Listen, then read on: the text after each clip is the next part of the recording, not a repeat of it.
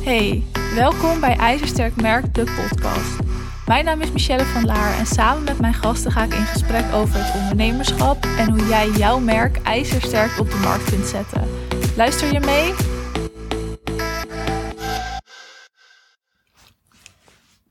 Ik wil het met je hebben over een aantal nuttige tools, onmisbare tools, als we het hebben over content maken of content marketing.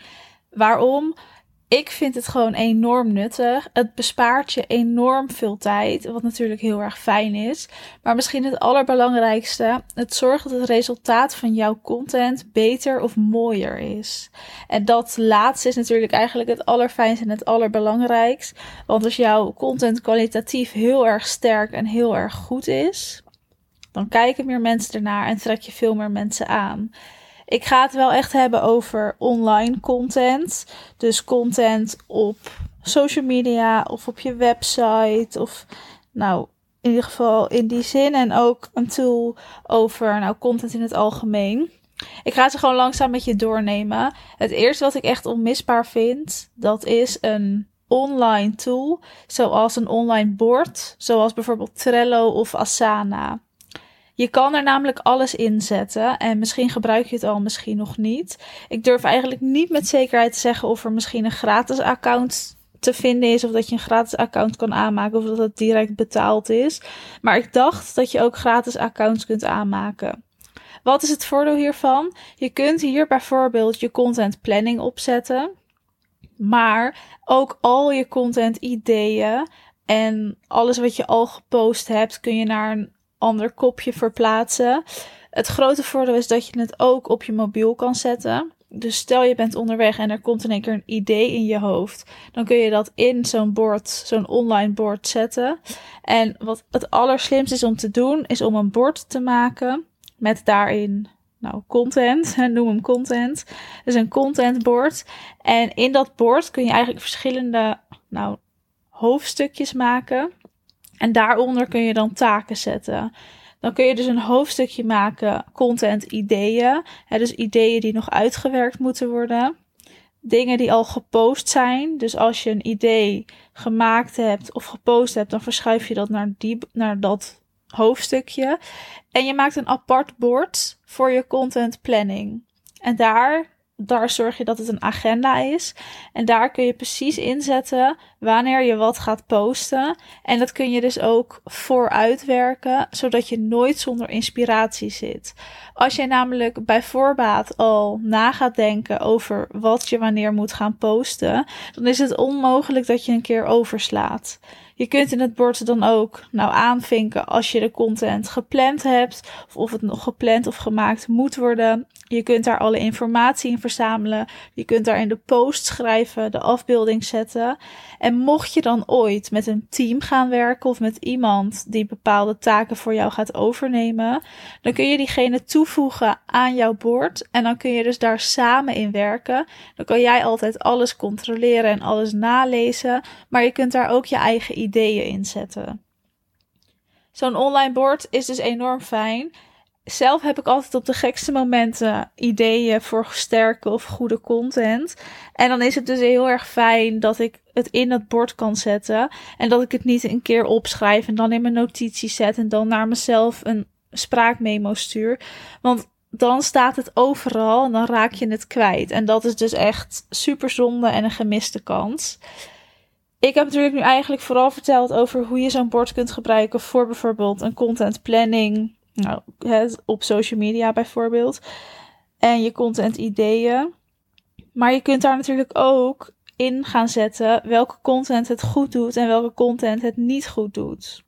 Je kunt daarin ook documenten zetten, zodat je de volgende keer daarin kan werken en je dus van overal kan werken, omdat je altijd in dat bord kan.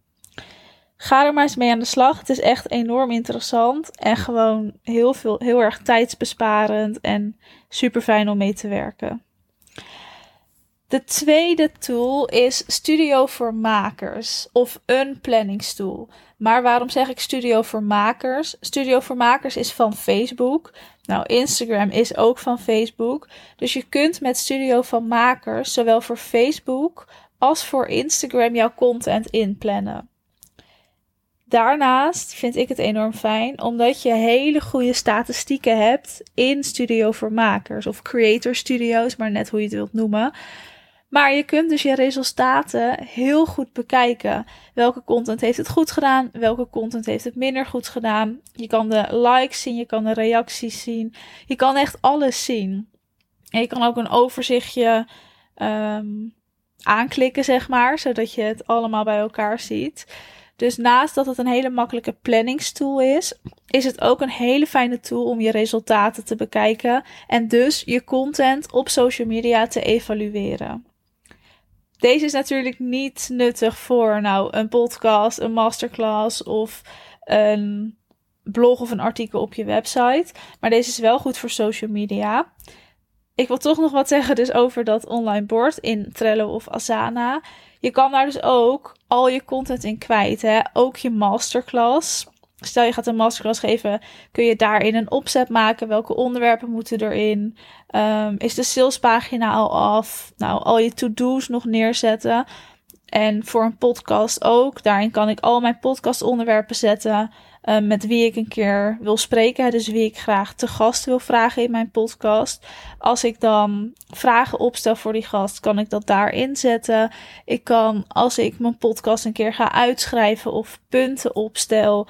Doe ik bijna nooit, maar heel af en toe wel. Dan kan ik dat ook daarin zetten. En ik kan gewoon al mijn ideeën kwijt. Maar goed, Studio voor Makers is dus 2. Tool 2 die onmisbaar is en die je zeker moet gaan gebruiken. Tool 3 is toch echt Canva en ik wil hem er gewoon inzetten. Omdat je Canva letterlijk overal voor kunt gebruiken. En het is echt bizar nou, hoe goed Canva is en hoe Canva aan het groeien is. Tegenwoordig kan je ook heel goed de achtergronden van je foto's verwijderen. Nou, als ik dat in Canva doe, is het nog beter dan als ik het zelf in Photoshop doe. Ik ben er ook niet een, per se een hele grote held in. Maar als je daar dus niet zo'n grote held in bent, is Canva echt de perfecte tool.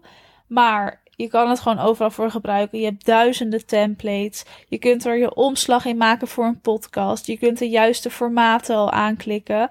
En nou, bijna iedereen gebruikt het.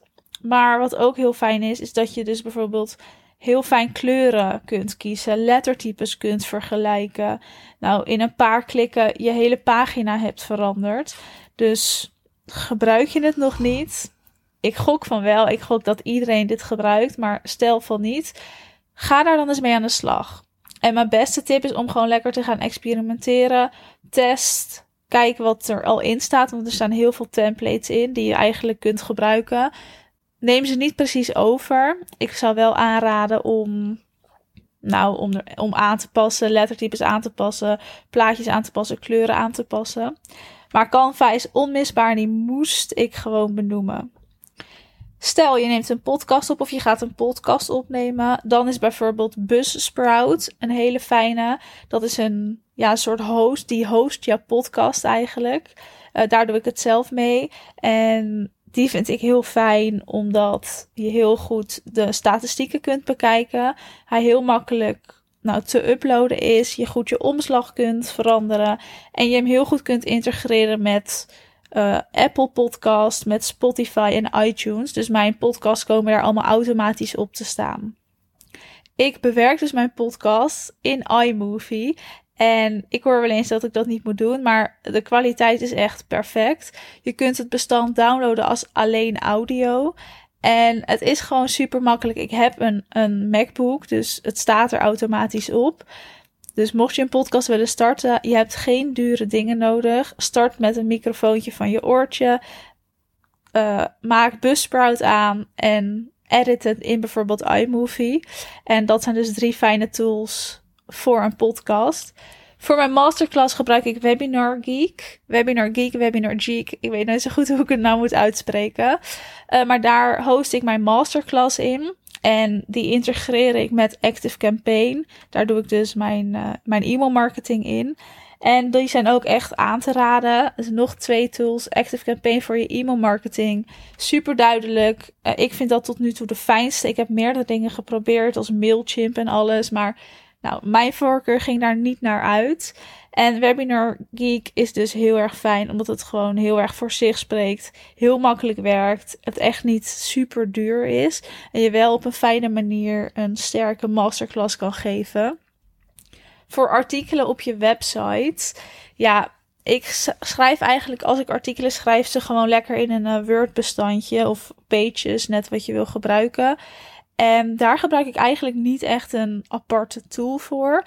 Ja, Canva natuurlijk om dus een afbeelding op te maken en in het juiste formaat te zetten. Maar verder doe ik alles ja, in mijn website. En nou, misschien nog een extra leuke, mocht je ooit een leeromgeving willen maken, dan heb ik twee tips. Je hebt Teachable. En daar, kun je, daar betaal je eigenlijk per gebruiker. Dus daar kan je heel makkelijk je cursus inzetten. En alleen als er gebruikers in zitten, betaal je. Of als je bijvoorbeeld een WordPress website hebt, kun je LearnDash downloaden en die gebruik ik zelf. En dan kun je alles veranderen, helemaal naar je smaak maken. Het kost wat tijd. Uh, het kost wat nou, moeite en energie om het te doen. Maar als je het gedaan hebt en het snapt, dan is die echt perfect.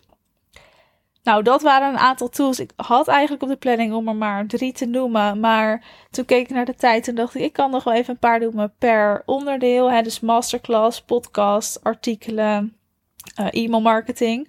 Dat zijn in ieder geval de tools die ik gebruik. Ik heb er meerdere getest en hier ging gewoon mijn voorkeur naar uit.